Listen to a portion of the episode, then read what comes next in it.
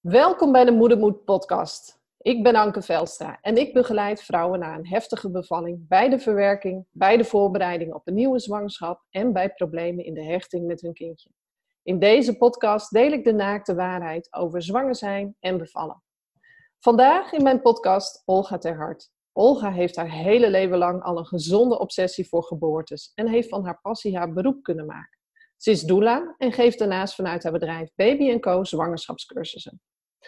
Ook Olga begeleidt in haar werk regelmatig vrouwen na een eerdere traumatische ervaring. En het leek me ontzettend interessant om haar te interviewen voor de Moedermoed podcast.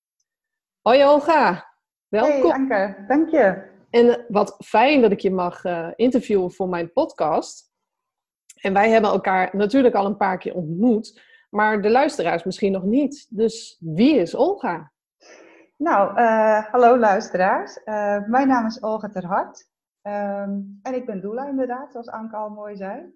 Uh, ik zie dat ook niet als mijn werk of het is gewoon een onderdeel van mijn leven. ik vind het het allermooiste om te mogen doen. Um, dus het is gewoon een, een heel onderdeel van mijn leven, eigenlijk van ons leven. Ook het gezin draait daar wel een stukje in mee natuurlijk, met alle onregelmatigheid die daarbij komt mm -hmm. kijken.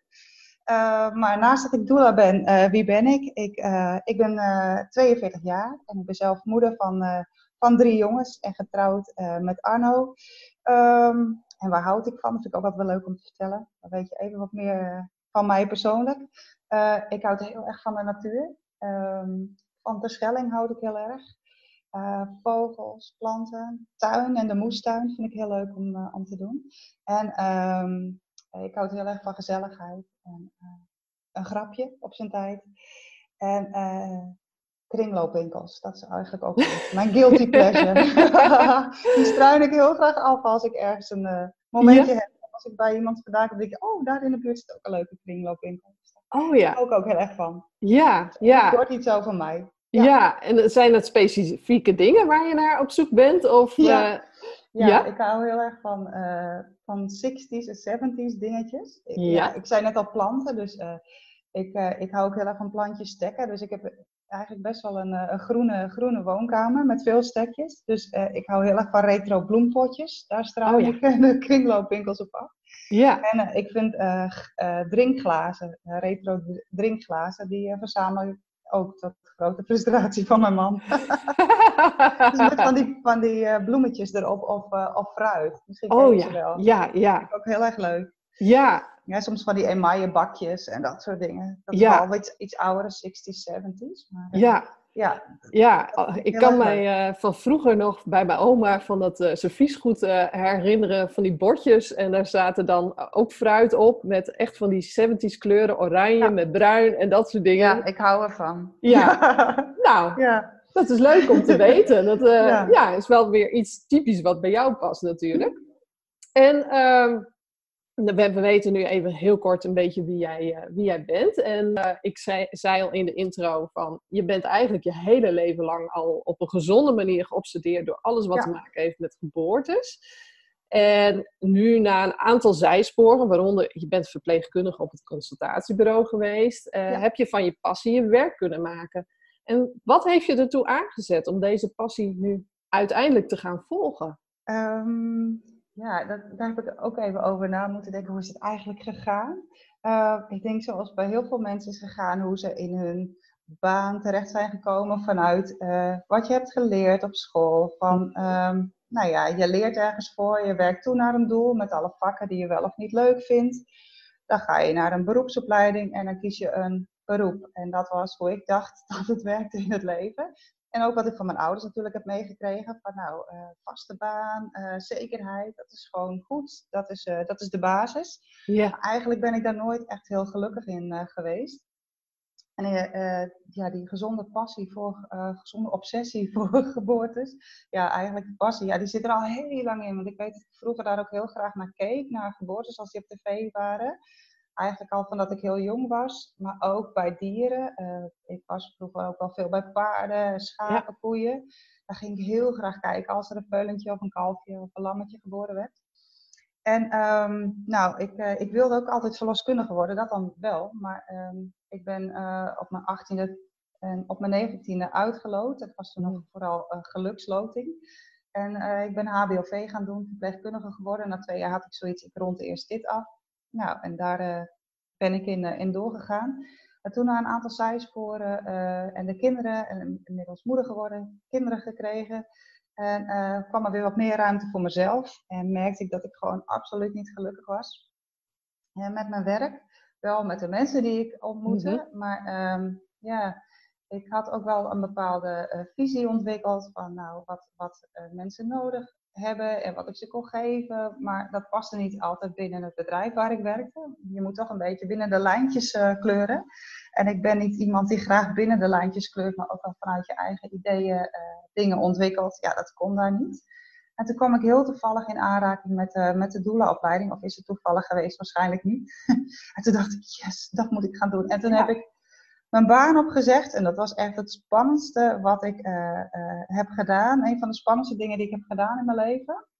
Uh, maar dat heeft zo goed uitgepakt, want daardoor kwam er ruimte voor heel veel nieuwe dingen. En ben ik de doula-opleiding gestart. En daar had ik dus ook alle tijd en ruimte voor. En toen ben ik ook zwangerschapscursussen gaan geven. voor Natasja, toen nog, die toen nog de eigenaar was van Baby Co. En uh, ja, ik werd er zo blij en gelukkig van. En dat is nu, ik denk, drie, vier jaar geleden.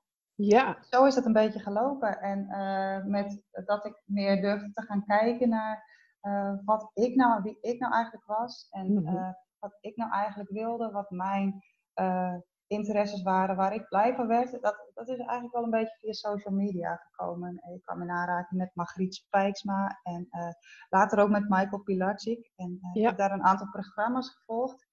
En die, dat waren wel echt de eye-openers voor mij ook. Dat ik dacht, oh, het kan dus wel. Je kunt dus wel echt van wat je leuk vindt, kun je ook gewoon je, je baan maken. Of je baan, ja. zo voelt het voor mij niet, wat ik net ja. al zei. Maar ja, daar kun, je dus, daar kun je dus gewoon je leven van maken. Ja. ja dat, dat, ja, dus zo is het een beetje, een beetje gegaan. En dan ja. voelt het ook niet meer altijd als werken of zo. Nee. Nee, nee. nee. hoe fijn is dat? Ja. ja. hoe fijn is dat? En natuurlijk ook uh, aan ondernemen zijn zitten uh, dingen die je minder leuk vindt. Uh, ik heb een hekel aan de administratie altijd. Ja? En de btw-aangiftes, ook verschrikkelijk. Maar wel het doen waar, waar, je hart ligt. En dat, voelt, ja, dat, is, dat is fantastisch. Ja. En ik, ik vind het wel leuk hoe je dat ook vertelde. Want uh, heel veel mensen weten het wel, niet iedereen weet het. Maar ik heb een aantal opleidingen gedaan ook in systemisch werken. En eigenlijk wat jij beschrijft over hoeveel mensen uh, een, een, opleiding kiezen. En ook voor een stuk zekerheid kiezen. Want dat hebben ze ook meegekregen van hun ouders. Ja. Uh, heel vaak heb ik gemerkt, uh, want ik heb jarenlang in het onderwijs gecoacht en met name de leerkrachten die op een gegeven moment uitvielen. En heel vaak was dan ook zo'n reden wat speelde. En dan vroeg ik ook altijd van, goh, zijn jullie deze opleiding nu gaan doen omdat je eigenlijk altijd al wist dat je dit wilde gaan doen? of niet. En heel vaak hoorde ik, ja, maar ik wist eigenlijk helemaal niet zo goed wat ik anders moest doen. Mm -hmm. En ik wilde een, een, baan met zekerheid, want dat heb ik van mijn uh, ouders meegekregen. Juist. Dat belangrijk ja, was. Ja, en dan, dan gebeurt er iets in, in hun geval, in hun leven. Dat hoor je heel vaak. Hè? Ze raken Mhm. burn-out, of ze krijgen te maken met een sterfgeval, of iets, Ja. een ziekte, of iets, iets anders. En dan in één keer wordt alles zo opgeschud. En dan komen ze erachter van, hé, hey, maar ik doe eigenlijk helemaal niet waar mijn hart ligt. En dat, eh, bij jou is dat natuurlijk net even iets anders, maar ik hoor toch ook wel die lijn een beetje terug in jouw verhaal. En, Nou, dat moment van opschudden is er ook wel geweest hoor. Want dat was 2014. En eh, eh, ja, dat heb ik net niet verteld. Maar de, toen overleed mijn vader vrij plotseling. Kreeg mijn zusje borstkanker en moest onze zoon aan zijn hart geopereerd worden. Dus dat Oh. was wel, eigenlijk lag dat er nog aan vooraf, zeg maar. ja, Ja, dat ik toen wel zoiets had. Het was echt een vreselijk heftig jaar. ja. Maar het heeft ook heel veel goeds gebracht. Ja, ja, dat klinkt ja. misschien heel tegenstrijdig, maar dat, ja, ja, ik, ik weet niet wat er gebeurd was als dat niet was gebeurd. Dan was het misschien later of langzaam of anders Ja. gegaan. ja. Maar ehm, ja. Maar het, aan de andere kant bevestigt het ook wel weer wat ik net vertelde, dat het dan vaak zoiets gebeurt en dan in één keer wordt je hele wereld, je hele leven even flink opgeschud. Mhm. En dan ga je dus ook over dat soort vragen nadenken. Ja, Ja, nou, wel heel bijzonder. ja. Ja, maar ook een heftig jaar zo te horen. Ja. Ja, jeetje. Goh. Hey, en je vertelde net ook al dat je zelf ook moeder bent en eh, van drie jongens. Ja. En hoe heb je destijds hun bevallingen eigenlijk ervaren?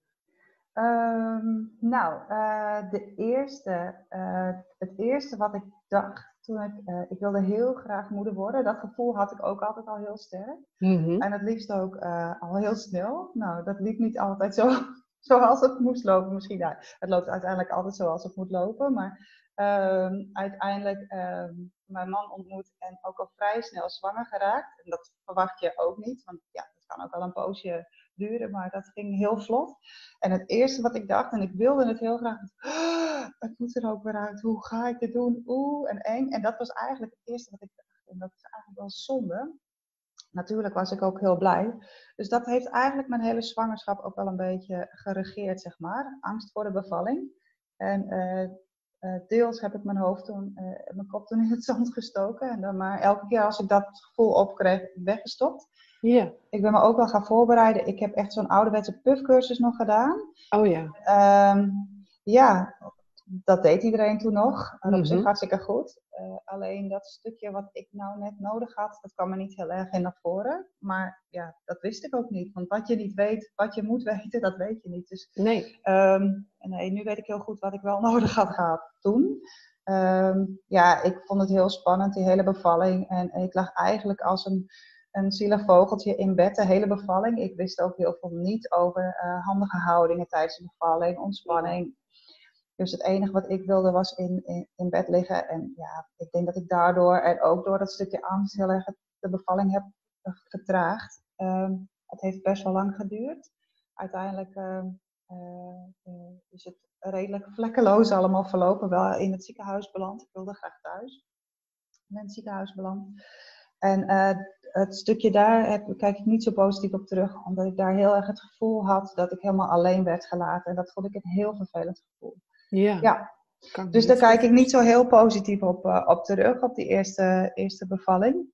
En uh, de tweede had ik zoiets, dat was twee jaar later. Um, er zat ook nog een miskraam uh, tussen trouwens. die vergeet ik ook zeker niet. Dat is natuurlijk ook iets wat heel veel vrouwen meemaken. En het was een hele ja. vroege miskraam. Ja. maar dat was ook super heftig. ja.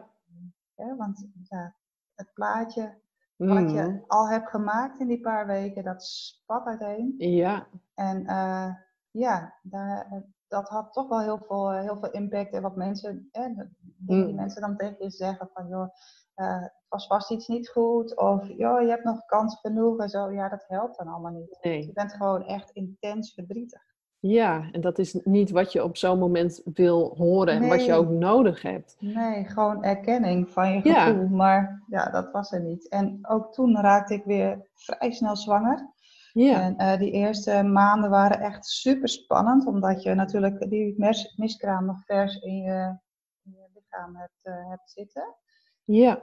Uh, dit ging allemaal wel heel goed. En toen had ik wel zoiets van: oké, okay, dit gaan we wel anders doen. En toen ben ik yoga gaan doen. En um, dat was wel heel fijn, want ook uh, tijdens de zwangerschap was ik toen al veel meer ontspannen door die oefeningen die ik, uh, die ik deed. En ik had nooit ja. zoiets gedaan, want ik dacht, oeh, dat is zweverig en dat is niet voor mij. dat is wat heel veel vrouwen zeggen, toch? Oh ja, ja. ja. ja. Ja, maar ik merkte toch dat ik er heel goed van kon ontspannen, dus dat was heel fijn. Dus ik ja. ging veel meer ontspannen de bevalling in. En uh, de eerste keer uh, beviel ik met 41 weken. Dus ik dacht nu weer, oh, deze laat ook wel even op zich wachten. Maar met een week of 37 en een paar dagen had deze meneer zoiets van, uh, joe, hier ben ik. Dus uh, okay. ik had hem zoiets van, wow, wat gebeurt nu hier? Al? Raken. Huh, nu al? ja. ja. En uh, ik heb me heel erg gefocust op de ademhaling en uh, op de ontspanning. En ik had het boek daarnaast, Duik in je weeën. Er zijn oh, ja. veel meer goede boeken, maar er stond zo'n plaatje in van een vrouw die op een golf surft en een plaatje met een groot kruis erdoor van dat die golf haar overspoelde. Ja. En tijdens de week keek ik alleen maar naar dat plaatje. Denk, oké, okay, die golf moet mij niet gaan overspoelen. En het klinkt nu misschien heel abstract, maar ik heb daar heel veel uitgehaald. En uh, mm-hmm. ik kon ze heel goed aan. En uh, tijdens de bevalling um, heb ik op een gegeven moment tegen mijn man gezegd, want vanaf, vanaf een uur of vijf s'avonds had ik goede weeën. En uh, verloskundige was ook geweest en toen had ik drie centimeter ontsluiting. Dus mijn man had al zitten rekenen natuurlijk. oh, dat, wordt, uh, dat wordt de volgende dag. Ja. Maar twee uurtjes later zei ik tegen hem, je moet nu de verloskundige bellen. Nee, die komt nu nog niet. En, uh, zover is het nog niet. Je moet nu bellen. En ja, een half uur later was hij daar. En dat was zo'n verrassing. Ja. Hey, oh. Ja, dus het komt toch. Maar ik weet zeker dat die ontspanning daar zo'n belangrijke rol in heeft gehad. Ja. En toen de derde keer, ja. drie jaar later, ja. dacht ik, oh, dat doen we weer even. Wel weer yoga gedaan bij een andere vrouw en dat vond ik ook wel heel fijn. Ja. Maar ik zat toch heel erg in mijn hoofd, want ik zat zo met die drie uurtjes in mijn hoofd. Van, nou, mm. het kan weer in drie uurtjes, dat ga ik weer doen in drie uurtjes. En het ging niet zo als de vorige keer. Ik denk ook juist omdat ik heel erg daarmee bezig was in mijn hoofd. En het ging prima en het ging op zich ook mooi vlot, maar niet zo vlot als ik dacht. Dus ik ging een beetje lopen zeuren en mopperen. En uiteindelijk heeft het zes uurtjes geduurd, dus prachtig. En uh, ook weer thuis bevallen, zoals ik heel graag wilde. En dat mocht gelukkig ook lukken. Maar ja, ik, uh, ik heb me er doorheen gezeurd. En achteraf vind ik dat super zonde. Dat ik niet gewoon dat heb los kunnen laten. Ja. Maar goed, dat is achteraf. Dus Dat uh, is drie achteraf. verschillende verhalen. Ja. Um, maar waar ik ook alweer veel van heb geleerd. En wat eigenlijk ook wel een beetje de inspiratie is voor wat ik nu doe. Mhm. Van uh, uh, vrouwen uh, ja, de informatie en de kennis geven die ze goed kunnen gebruiken om, om goed met hun lichaam te kunnen samenwerken. En ja, zo eigenlijk positief op de bevalling terug kunnen kijken. Ja. Ja. Hey, en uh, dat, dat zei je net ook al, hè? Uh, met name tijdens de eerste bevalling, toen je, toen je in het ziekenhuis terecht kwam, uh, dat je zei van ja, ik lag eigenlijk als een soort zielig vogeltje in ja. het bed. ik, ja, ik, ik, ik wist daar. niet wat ik kon doen om het Nee. te bespoedigen, goede Nee. houdingen, hoe kon ik het goed opvangen. Ondanks dat je heel alleen. Ja, toch de cursus ook had gedaan. ja, En uh, natuurlijk is het makkelijk om te zeggen met, met de kennis en ervaring die je nu hebt. Van, Ja. oh, als ik dit had geweten, dan... ja. Maar zijn er inderdaad dingen die je anders zou hebben gedaan? Met de kennis en ervaring die je nu hebt? ja, ik had me die eerste keer, bedoel je Anke? Ja, of, of, Of gewoon andere- algemeen. Ja. Eh, wat, ik, wat ik had, eh, had willen doen is eh, veel meer vertrouwen op mijn lichaam. Dus ik had Mhm. veel meer moeten weten van hoe mijn lichaam werkt, maar ook vooral hoe de hormonen in je lichaam werken tijdens een bevalling. En wat adrenaline doet met je bevalling. Die werkt het compleet tegen. Ja, maar dat wist Ja. ik niet. Nee, nee. Nee, dus als ik dat had geweten, Mhm. dan uh, dat had mij heel erg geholpen. Ik had Zeker. zeker andere houdingen geprobeerd. Want uh, echt eerlijk hoor, tijdens de eerste bevalling, mijn verloskundige heeft heel erg haar best gedaan om mij dat bed uit te praten. Maar op dat moment lukte dat niet meer. Nee. Nee, Nee. dat had ik echt van tevoren uh, moeten weten. En dan had ik me daar beter op kunnen instellen. Maar op dat moment was ik te overvallen door het geweld van de weeën, zeg maar. En Ja. uh, ik had heel graag in bad willen bevallen. Maar dat was Ja. toen ook nog niet zo. Niet dat het 100 jaar geleden is hoor. Maar mijn kinderen zijn 13, 11 en 8. Maar dat is meer van de laatste tijd dat het heel erg... Uh, Ja. maar, ja. En, en als ik nog op die houdingen terug mag Ja. komen. Hè? Ehm, er zijn heel veel houdingen eh, waar je in kunt bevallen. eh, Ja. Maar heel vaak zien we toch het bevallen op je rug. Eh, dat Ja. zien we vaak op tv, dat zien we in films. Maar dat is toch eigenlijk helemaal niet de meest logische houding om te Nee, bevallen. wel? absoluut niet. Nee, en je ziet het eigenlijk, heel vaak wordt gedacht van nou, zo, uh, zo zijn we altijd bevallen. Is Mhm. eigenlijk pas vanaf uh, halverwege vorige eeuw, met dat de bevalling meer en meer in het ziekenhuis plaatsvond. En um, dat degenen die je bevalling begeleiden er op die manier beter bij kunnen, betere controle hebben over, uh, over het geheel. Dus dat is eigenlijk een van de redenen, of eigenlijk de belangrijkste reden, dat vrouwen Ja. op hun rug bevallen. Of, en omdat ze denken dat het zo hoort, dat het zo moet. Ja, Uh, maar uh, anatomisch gezien, fysiologisch gezien, is het helemaal niet een logische houding. nee. Uh, de zwaartekracht werkt natuurlijk niet mee. En dat is wat veel vrouwen denken dat dat het belangrijkste is. En mannen uh, ook een reden. Al tijdens je ontsluitingsfase, omdat het hoofdje van je baby dan drukt op je baarmoedermond en je ontsluiting vlotter gaat als je een actieve houding aanneemt, een verticale houding, of zit. Mhm. En, uh, maar ook natuurlijk tijdens de persfase. En je bekken gaat echt meer openstaan als jij um, een hurkende houding aanneemt. En dat is ook de reden van de baarkruk, uh, de, de zwaartekracht, maar ook dat je meer ruimte creëert in je bekken, want je schaambeen en je staartbeen uh, gaan uh, van elkaar letterlijk. Ja. Dus het kan twee centimeter meer ruimte geven. En dat is veel op zo'n babyhoofdje. Zeker. Wist ik ook niet. nee, maar ik nee. ook niet voor mijn eerste bevalling. Dus uh, ja, uiteindelijk uh, uh, ging dat ook niet allemaal heel goed. Maar voor mijn tweede bevalling, en die is natuurlijk eind deze week, twee jaar geleden, toen stond het ook echt in mijn geboorteplan van ik wil zelf een houding bepalen die voor mij goed is. En ik had me ingelezen, dus ik wilde echt op handen en knieën gaan bevallen, of, of mhm. staand of hurkend, wat me op dat moment het beste zou voelen. Voor jou prettig was. Ja. Maar ik wilde bepalen en niet meer op mijn rug. nee, mhm, mhm. Nee, op mijn rug. Ik weet nog heel goed tijdens de eerste bevalling ook dat het zo ongelooflijk veel pijn deed als ik op mijn rug lag. Ja. Dus dat mijn lichaam eigenlijk ook al aangaf dat een andere houding voor mij prettiger was. Maar ja. ik dacht dat het zo hoort. En ja, dan luister je maar gewoon wat zij fijn vinden. Ja, dat doe je dan. Dan word je ook, door de hormonen word je ook een beetje uh, meegaan van de oxytocine tijdens je mhm. bevalling. Dus dan ja.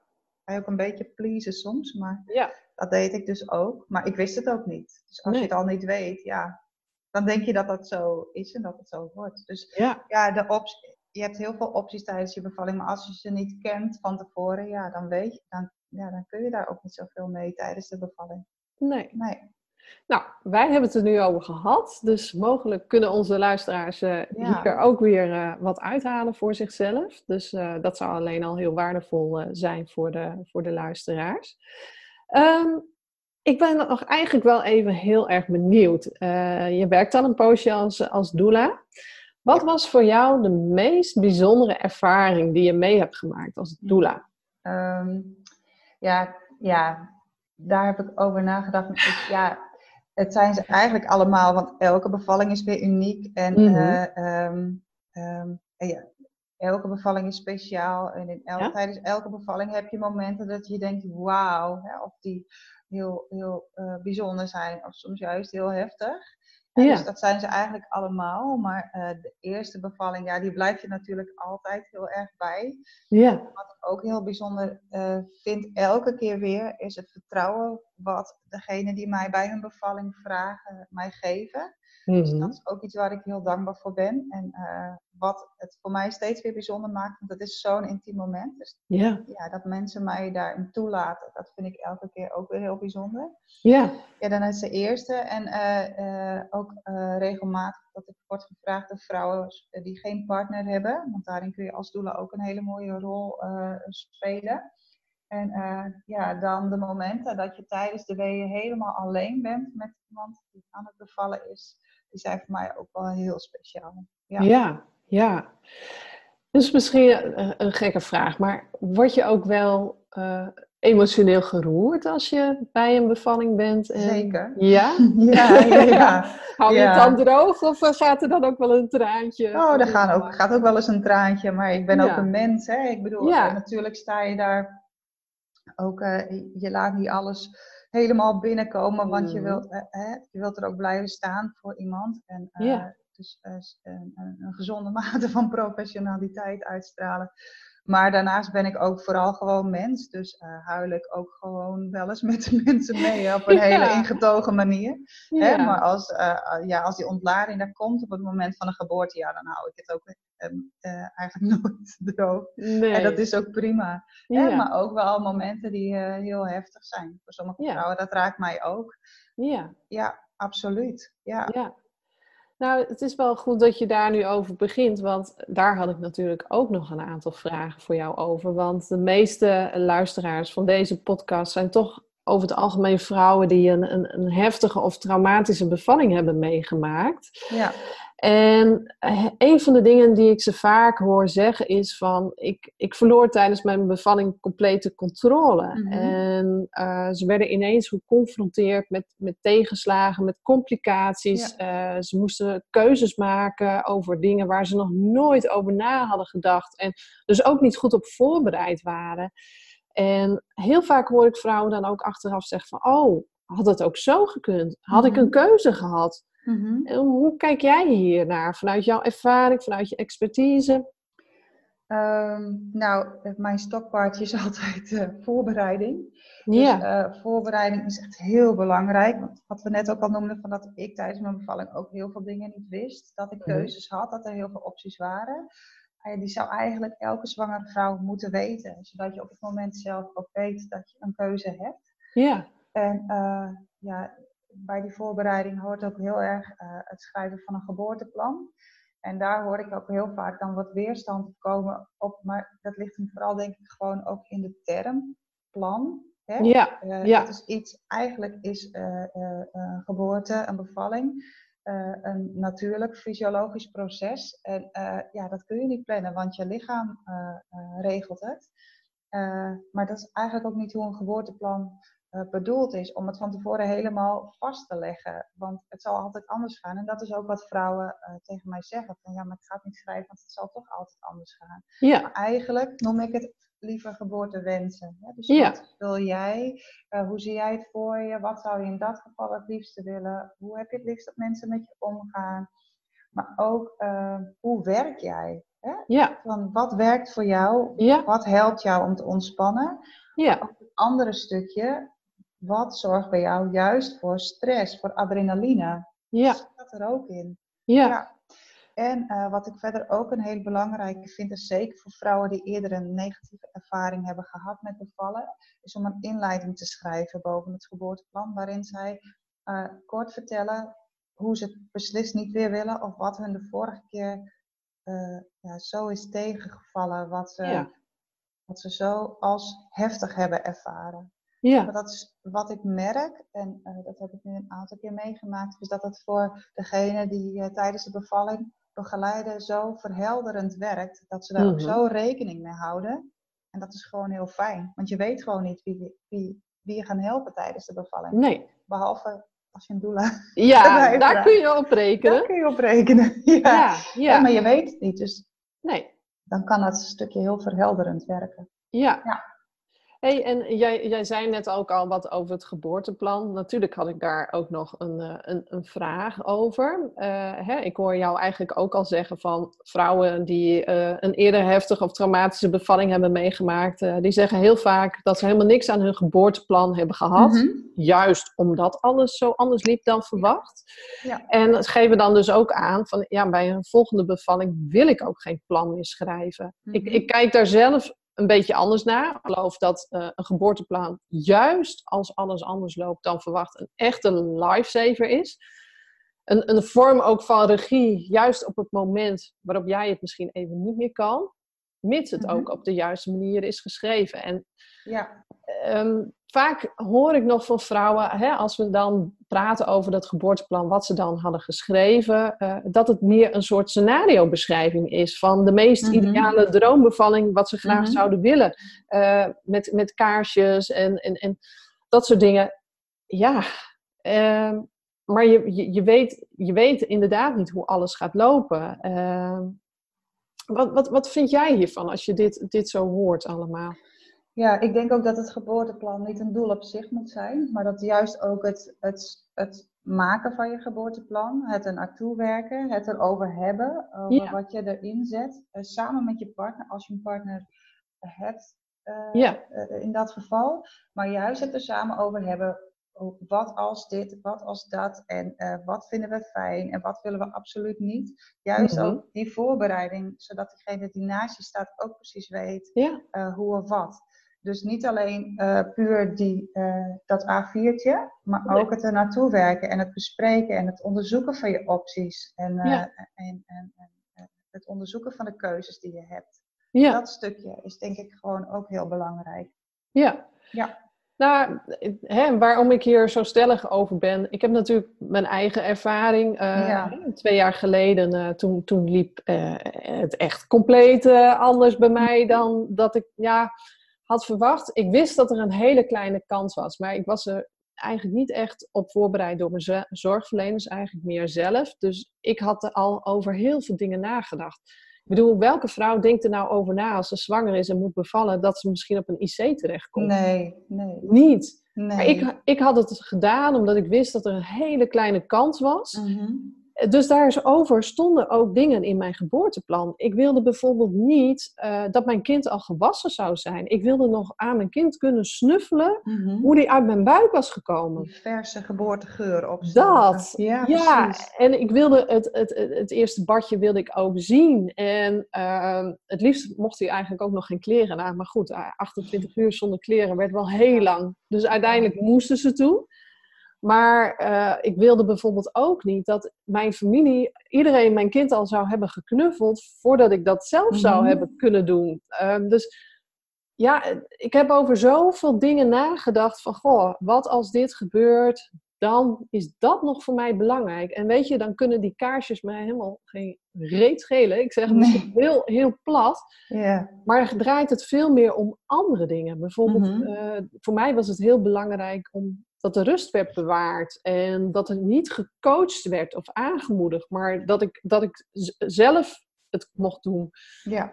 Ja, dus ja, En vandaar dat ik... van eh, hoe werk jij en wat werkt voor jou Ja. inderdaad. Ja. ja, Want je zei net nog heel mooi van dat vrouwen aangeven als het anders loopt dan ze in hun geboorteplan hadden geschreven of als ze een negatieve ervaring hebben. ja, eh, dat ze het gevoel hadden dat ze een complete controle kwijt, raak- kwijt zijn geraakt. Ja. Ik vind het altijd wel heel mooi om dat stukje even erbij te pakken en dan eh, het te hebben over het verschil tussen controle en, en regie. En ehm, Ja. controle is eigenlijk alles wat er zich in je lichaam afspeelt. Mhm. Daar hebben we weinig invloed op, op, ons, op de weeën, op, op- nou, ook op je spijsvertering, je hartslag en natuurlijk indirect wel door adrenaline en dat soort Ja. dingen. Maar dat is wat je lijf zelf doet. Dus daar heb je inderdaad geen controle over. Maar dat stukje regie, wat je net ook al noemde, Anke, dat is zo belangrijk. En regie is alles wat er met je lichaam gebeurt. En daar ben jij de baas over. En daar zijn heel veel vrouwen niet bewust van, van dat stukje. Want Ja. alles wat er met je lichaam gebeurt, of met het lichaam van je kindje, en dat zit eigenlijk al op een hele kleine dingetjes zoals bloeddruk meten, Mhm. eh, een echo, een CTG, maar ook een vaginaal touché. Dus dat ze bijvoorbeeld eh, eh, inwendig gaan onderzoeken of je ontsluitingen hebt. Dat Ja. is een keuze. Dat Ja. bepaal jij. En als jij dat niet wilt, dan kun je dat aangeven en dan gebeurt dat niet. En Ja. dat stukje geeft heel veel vrouwen ook vaak al een stukje meer eh, het gevoel van, Ja. ja. macht is zo'n groot woord, maar wel dat ze meer regie hebben. En Ja. als je ook kijkt naar de cijfers van vrouwen die een, eh, een eh, hele negatieve ervaring hebben, er zijn hele mooie onderzoeken naar gedaan. En het Mhm. het was heel mooi geweest als dat niet had gehoeven, maar helaas is het wel zo dat er veel vrouwen zijn met een negatieve ervaring. Ja. En eh, vaak wordt gedacht, oh, dat, dat heeft alles te maken vaak met complicaties, met nabloedingen of met een Nee. keizersnede. of de- Maar dat zit eigenlijk altijd op het stukje regie. En, Ja. dat stukje, daar kan je geboorteplan dus heel erg bij helpen. Nou, en, en nu je dat ook, ook zegt, ehm, dat is eigenlijk ook het bizar. Ik bedoel, als jij naar mijn laatste bevalling medisch gezien kijkt, nou echt alles wat misgaat, kon gaan, ging ook mis. Ja. Eh, dus medisch gezien werd mijn bevalling gelijk, stempel erop, traumatisch. En ik zou ook wel getraumatiseerd zijn. Maar ik kan juist heel positief terugkijken op die bevalling, omdat ik constant het gevoel heb gehad dat ik, hoe dan ook, de regie had. Zelfs toen ik onder narcose die 28 uur op de Ja. IC lag, men heeft gehandeld zoals ik het wilde. ja. En dat, dat maakt ook dat je er gewoon ja, ergens heel positief toch weer op terug kunt ja, kijken. bizar hè? Ja, Ja. zo werkt het dus wel. Ja, ja. Ja. nou ik, ik denk mooi dat we dit stuk ook even hebben aangehaald. eh, om, omdat dit is, nou jij hoort dit veel, maar ik hoor dit ook veel. Dus ik denk alleen maar dat eh, de luisteraars hier hele waardevolle dingen weer voor zichzelf ook uit kunnen halen. Ja. Ehm, nou, dan kom ik nog op een volgend puntje, wat ik ook regelmatig hoor. Van ja, eh, veel vrouwen die hebben, eh, die bijvoorbeeld voor een tweede of een derde keer zwanger worden na een eerdere traumatische bevalling, die willen zich graag heel goed voorbereiden. Een van de dingen die ze zeggen, dat wat mij toen is gebeurd, dat wil ik never, nooit, niet nog een Mhm. keer meemaken. Uh, en tegelijkertijd voelen ze zich ook vaak niet thuis in reguliere zwangerschapscursussen. Uh, ze durven daar bijvoorbeeld niet hun verhaal te delen, omdat ze de andere zwangeren, die misschien voor de eerste keer zwanger zijn, niet willen afschrikken. Mm Maar ze hebben ook hele andere behoeftes. Hè? Ze hebben te maken met een stuk angst wat er zit. Uh, sommige vrouwen die voelen erg dat ze nou ja, bijna het gevecht ook aangaan richting hun zorgverleners van dat gaat niet nog een keer gebeuren. Dus dat ze daar mhm. een beetje in doorschieten.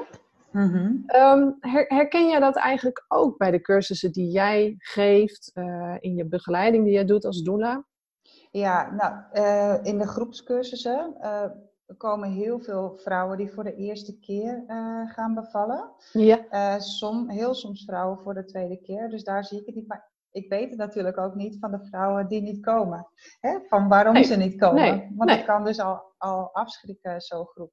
Uh, wat ik wel zie is dat deze vrouwen zich wel vaker aanmelden voor een privécursus. Dus dat ja. we één op één, uh, één op één uh, doen. Ja. dus dan kunnen we het op die manier ja. invullen. Ja. ja. Maar wij, wij zitten momenteel ook samen aan de tekentafel, geloof ik. Hè? ja, hartstikke goed, Anke. Um, ja. ja. heel leuk, want uh, wij, nou ja, wij, uh, wij zien heel veel raakvlakken in, in, in, in, ook in hoe we werken en de dingen die we tegenkomen. Ja. En, um, uh, dus wij hebben al een aantal keer met elkaar gesproken. En uh, wij hebben echt hele leuke, leuke plannen om, uh, om hier iets voor te gaan, gaan maken. Hè? Ja. Voor, voor deze vrouwen die toch behoefte hebben om zich voor te bereiden, in, in wat voor vorm dan ook. Ja. Om, om daar speciaal iets, iets voor te gaan schrijven. Ja. Dat het heel mooi gaat worden. Ja. Ja. Ja, dus echt specifiek voor de doelgroep die een eerdere ervaring heeft gehad, uh, wat gewoon heel heftig is geweest, heel traumatisch is geweest, uh, die zich graag deze keer echt heel goed willen voorbereiden op wat er gaat komen, wat bij hun passend is, um, die hun verhaal willen delen zonder daar anderen mee af te schrikken. Ja. Um, ja, eigenlijk kwamen wij daar heel erg mooi samen in, in, wat wij ervaren, wat wij horen van de vrouwen die wij begeleiden. En hadden wij het idee, daar moeten we wat mee. Ja, super. Ja. Hoe mooi kan dat zijn? Hè? Ja. Van, eh, ja, zoiets naars eigenlijk. Ja, ja, ja, maar ja, ik, ik denk dat ik zelf echt wel kan zeggen, hè, want mijn, mijn eerste bevalling was, nou, was uh, zeker niet makkelijk, ging ook best wel heel veel mis. Maar juist die bevalling was heel traumatisch voor me. En de tweede bevalling, waar medisch gezien echt enorm veel misging, mm die juist niet. Dus uh, ik denk wanneer je dat stuk echt heel goed voorbereidt, uh, dat je er ook wel weer met vertrouwen in kunt stappen. Juist, ja. En dat zou zo mooi zijn. Dat, en, dat je het ook anders kunt ervaren. Ja, en dan, dan gaat het e, om hele andere dingen. En ook alsnog, als alles dan anders loopt dan verwacht, kun je er nog steeds positief op terugkijken. Ja. ja. En dat is eigenlijk de, de, de inzet uh, die wij uh, hebben waarom we dit plan aan het uitwerken zijn. Maar mhm. goed, het, het ligt nog op de tekentafel. we zijn nog bezig. Stay maar tuned. Uh, ja. we gaan dat zeker uh, binnenkort uh, meer over vertellen. Ja. ja. Hey, en ik heb nog twee vragen, want we zijn natuurlijk al best een poosje aan het kletsen. En volgens mij ga ik je gewoon nog een keer vragen, want volgens mij zijn er nog zeker wel onderwerpen waar wij verder over kunnen praten in de podcast. Ja, leuk. Maar wat kun jij nou eigenlijk uh, als doula voor een vrouw betekenen die een eerdere traumatische ervaring heeft opgedaan met bevallen? Uh, wat, wat kun je voor haar doen tijdens een bevalling? Ja, het zit er ook al heel erg, merk ik. Want ik heb inmiddels uh, al een aantal keer een, een, een, vrouw en haar partner mogen begeleiden. Want ook voor de partner kan het een hele traumatische ervaring zijn. Zeker. Soms ook niet, maar ja. ook vaak wel om, om hen te begeleiden uh, tijdens een volgende bevalling. Maar uh, ja, het, het, het, is ook heel belangrijk het stuk daarnaartoe. Dus er ligt heel veel dan al in uh, het stukje voorbereiding naar de bevalling toe. En ik merk gewoon dat het anders is dan bij een andere vraag die ik zou krijgen van vrouwen die zwanger zijn en die maar bij hun bevalling vragen. Ja, dan vraagt het in dit stuk vaak gewoon meer. Maar ja. um, uh, dat is heel goed en heel mooi, want vaak zie je dan, en dat is ook wat ik voor ze kan betekenen, waar het vooral in ligt, is dat er veel meer rust komt en vertrouwen. Wat gewoon helemaal vaak weg is. dus uh, in dat stukje kun je als doula gewoon heel veel betekenen. In dat stukje rust en vertrouwen geven. En dat zit hem A in de voorbereiding, mm maar B ook in de uh, bijna 100% garantie dat jij er voor hem bent tijdens de bevalling. Ja. En dat hoor ik ook vaak van ze terug. Van nou, alleen al het feit dat we wisten dat jij gedurende de hele bevalling, want ik heb geen wisseldiensten en ik Nee. heb ook geen vrije dagen. Als ik weet dat er iemand bijna gaat bevallen, dan ben ik 24/7 beschikbaar, ongeacht hoe laat of wat voor dag of wat voor feestdag het is. Ja. Ik pas weer weg als het kindje geboren is en eh, alles weer in de rust is. Dus alleen al dat feit geeft vaak op voorhand al heel veel rust en vertrouwen. Ja. Een, een, een, een persoon waar je ook iets mee hebt opgebouwd van dit ziekenhuis. Ik zie wel meer en meer dat eh, vrouwen een vaste gynaecoloog hebben. Hè, want Ja. vaak uh, vrouwen met een negatieve ervaring hebben vaker een medische indicatie. En ook als bij de verloskundige zijn, wordt er wel vaak wel goed naar gekeken. Maar wie er vervolgens bij de bevalling is, ja, dat weet je nooit. Van een doula Nee. weet je wel. Dus dat Ja. is in ieder geval een vast gegeven wat heel veel rust en vertrouwen kan, uh, kan geven. Ja. En ja, die voorbereiding is gewoon heel belangrijk. Dus samen ja. uh, kijken naar de geboorteplan. Of in ieder geval goed voorbereiden. Uh, al je opties en je keuzes bespreken. Ja. En wat daarbij ook een hele belangrijke is, uh, is, is brains. En ik weet niet of de luisteraars er wel eens van hebben gehoord, maar ik zal het even kort toelichten en anders even googlen, dan kom je het zeker tegen. Ja. En brains kan je heel erg helpen in de keuzes die je, die je hebt en de opties die je hebt. En uh, met brains, dat zijn een aantal vragen die je kunt stellen aan je zorgverlener. Om zelf tot een goede keuze te komen tijdens de bevalling, maar soms ook al voor de bevalling. Als je staat voor de keuze van wel of niet inleiden. Of uh, uh, bijvoorbeeld tijdens de bevalling, uh, ja, als je optie tegen toucheren, wel of niet toucheren, of wel of niet de vliezen doorbreken, uh, dat soort keuzes. Ja. En de B staat dan voor benefits, voor de voordelen van een bepaalde optie. De R staat voor risico's. nou ja, wanneer ik hem ook regelmatig toepas, is bijvoorbeeld bij kindjes die in stuitligging liggen, van wel of niet vaginaal bevallen. Ja. Dus vraag alles even goed uit. Want uh, vaak komen er dan hele dingen, andere dingen uit als die je in de wandelgangen hoort. En dan kun je wel echt je eigen keuze maken. Voordelen, risico's, intuition, je intuïtie, je gevoel, ook een hele belangrijke. Uh, oh, de A vergeet ik nog. Geef niks. Alternatieven, hebben we nog andere ja. opties? Ja. De N staat voor nothing, dus voor niets. Wat als we niets doen? En de S, uh, excuse me, can we have a minute? Uh, dus hebben we Ja. nog even tijd om hierover na te denken. Weet je, zit je in de persfase, je kindje moet eruit, dan is die tijd er niet. Maar dan wil je gewoon weten wat er uh, gaat gebeuren. Ja. En uh, heel vaak is die tijd er wel. Dus neem ook even de tijd om die keuze te maken. Dat Ja, het- de tijd. Dus brains ook zeker gebruiken. Even een zijspoor. Ja, Ja, maar ik denk wel heel waardevol, want het helpt je eigenlijk om ook in een soort helikopter even te gaan zitten en er even boven te hangen, even Ja. uit de emotie stappen van, en, en even kijken van ja, wat willen wij nu echt, wat is voor ons belangrijk en goed doorvragen. ja, Eh, Zodat je ook echt de, de informatie krijgt waar jij op basis van een keuze kunt maken. ja precies. Ja. Ja. En dan misschien nog even als aanvulling op dat stukje van wat je als doula kunt betekenen. Ik noemde net ook al de partner, voor wie een bevalling Ja. ook zeker traumatisch kan zijn geweest. Ja, of niet. Ja, ook voor een partner eh, ben ik er tijdens de bevalling. En heel vaak wordt dan ook wel gevraagd, goh, maar neem jij zijn rol dan over of haar rol? Ehm, Mhm. Nee, absoluut niet.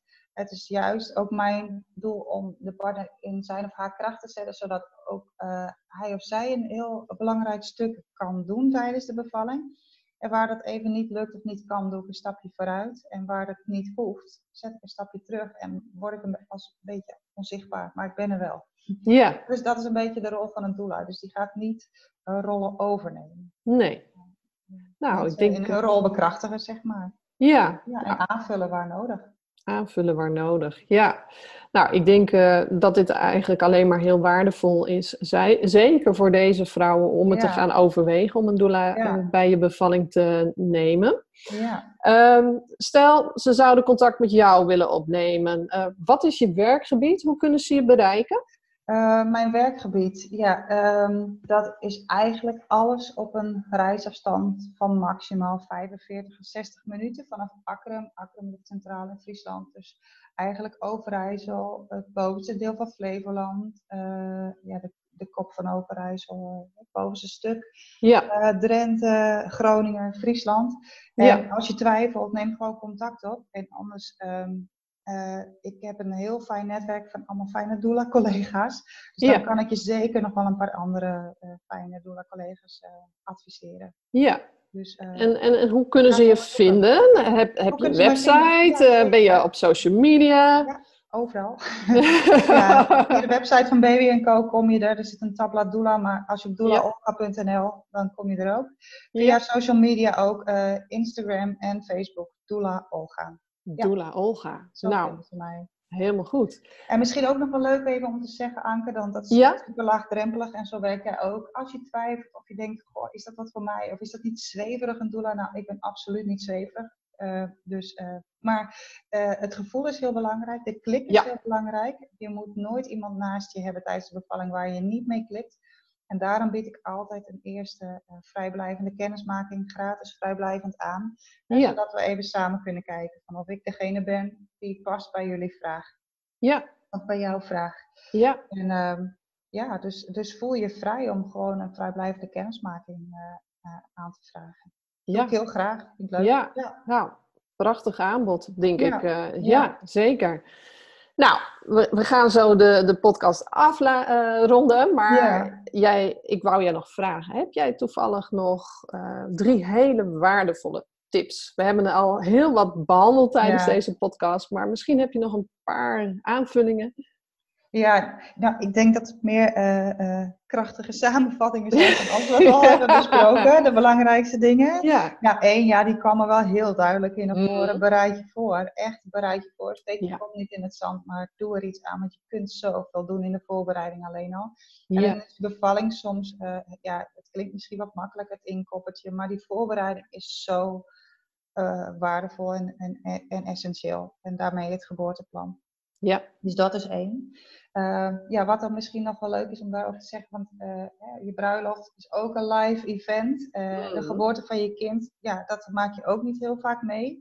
Dus dat kun je beter maar zo goed mogelijk doen. Dus eh, ja, ook dat, je bruiloft bereid je ook voor. Een, een, een, reis bereid je ook voor. Bereid ook deze reis voor. Dus ja. bereid je voor. twee, ontspan.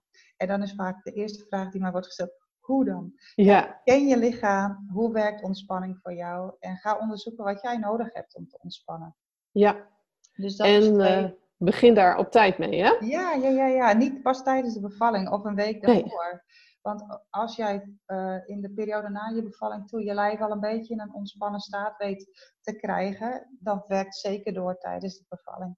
Mm -hmm. begin daar inderdaad op tijd mee. Ja, en dat hoeft niet iets heel groots te zijn. Want soms met een paar simpele oefeningetjes kom je al ja. heel eind. Ja. ja. En um, drie, ja, dat is voor mij was dat ook een hele mooie geweest. Maar blijf in het moment. En ja, waar het wel allemaal hartstikke goed gaat, geniet echt. Ja. Ja. ja. Dat. Ja, het is natuurlijk zo'n bijzondere ervaring. En je zei net ook al, het, het is iets wat je niet uh, tig keer in je leven doet. Tenminste, de meeste vrouwen doen dat niet tig keer in hun leven. Uh, er zijn enkele uitzonderingen. Ja. Dus uh, ja, het, het is zo'n bijzonder intiem moment. En ja, geniet ook van de mooie momenten. Ja. Ik hoor wel ook vaak van vrouwen nadat ze een, een, een heftige of traumatische ervaring hebben, dat, dat eigenlijk alleen maar het negatieve nog overheerst. Mm -hmm. En wanneer ik ze bijvoorbeeld heb geholpen bij dat stukje verwerking, dat er dan voor het eerst weer ruimte komt voor ook ja, mooie dingen. Ja, mooi. Hè? Ja, want die zijn dan zo naar de achtergrond gegaan, terwijl die er ook zeker zijn. Ik bedoel, het eerste moment dat je je kindje in de ogen kijkt, ja, mm -hmm. ik, oh, ik, krijg er zelf al bijna tranen van in mijn ogen, maar ja ja, dat, dat, ook die momenten zijn er. En het, het is zo jammer als dat dan ook helemaal verdwijnt en dat negatief alleen maar op de voorgrond staat. Ja. dus ik denk een hele mooie, mooie eindig, of een mooie laatste tip om, uh, om als mee uh, te beëindigen. Ja. Nou, jeetje, wat hebben wij zitten kletsen, hè? ja, ongelooflijk. ja, ja, maar wel, uh, ja, ik, ik vind het heel leuk. Ik vond het sowieso heel leuk dat je mocht interviewen. En ik wist van tevoren wel dat het een ontzettend waardevol gesprek ook zou worden. Ook zeker voor onze, onze luisteraars. En mm -hmm. Dus ik kan alleen maar zeggen, heel erg bedankt uh, Olga dat ik je mocht interviewen. En uh, ik, ik voel ergens zo aan dat er in de toekomst nog wel eentje komt over een specifiek Ja, leuk. onderwerp wat, eh, wat we gaan doen. Als jij dat ook leuk vindt. Ja, zeker. Jij ook dankjewel, want ik vond het ook heel leuk om te doen. Ja, Ja, nou, dat, dat vind ik ook leuk om te horen. En eh, nou ja, de luisteraars eh, wil ik natuurlijk ook bedanken dat jullie zo lang de tijd hebben genomen om deze podcast helemaal uit te luisteren. ja. en ik hoop ook zeker dat je er voor jezelf weer dingen uit hebt kunnen halen uit ons gesprek. De dingen die we hebben benoemd eh, in, in het interview. En mocht je contact willen opnemen met Olga, uh, ze heeft het al genoemd in de podcast, uh, maar ik, ik benoem haar, ik noem haar ook wel in de stukjes tekst die ik bij deze podcast zet. Dus uh, daar kun je haar ook altijd terugvinden. Mocht je met mij contact willen opnemen, kan ook. Uh, laat het dan gerust ons weten. En uh, wij staan open voor, uh, voor jullie vragen. En, en hopen daar jullie een stukje weer verder in te kunnen helpen. Nou, nogmaals bedankt allemaal voor het luisteren. En heel graag tot een volgende podcast.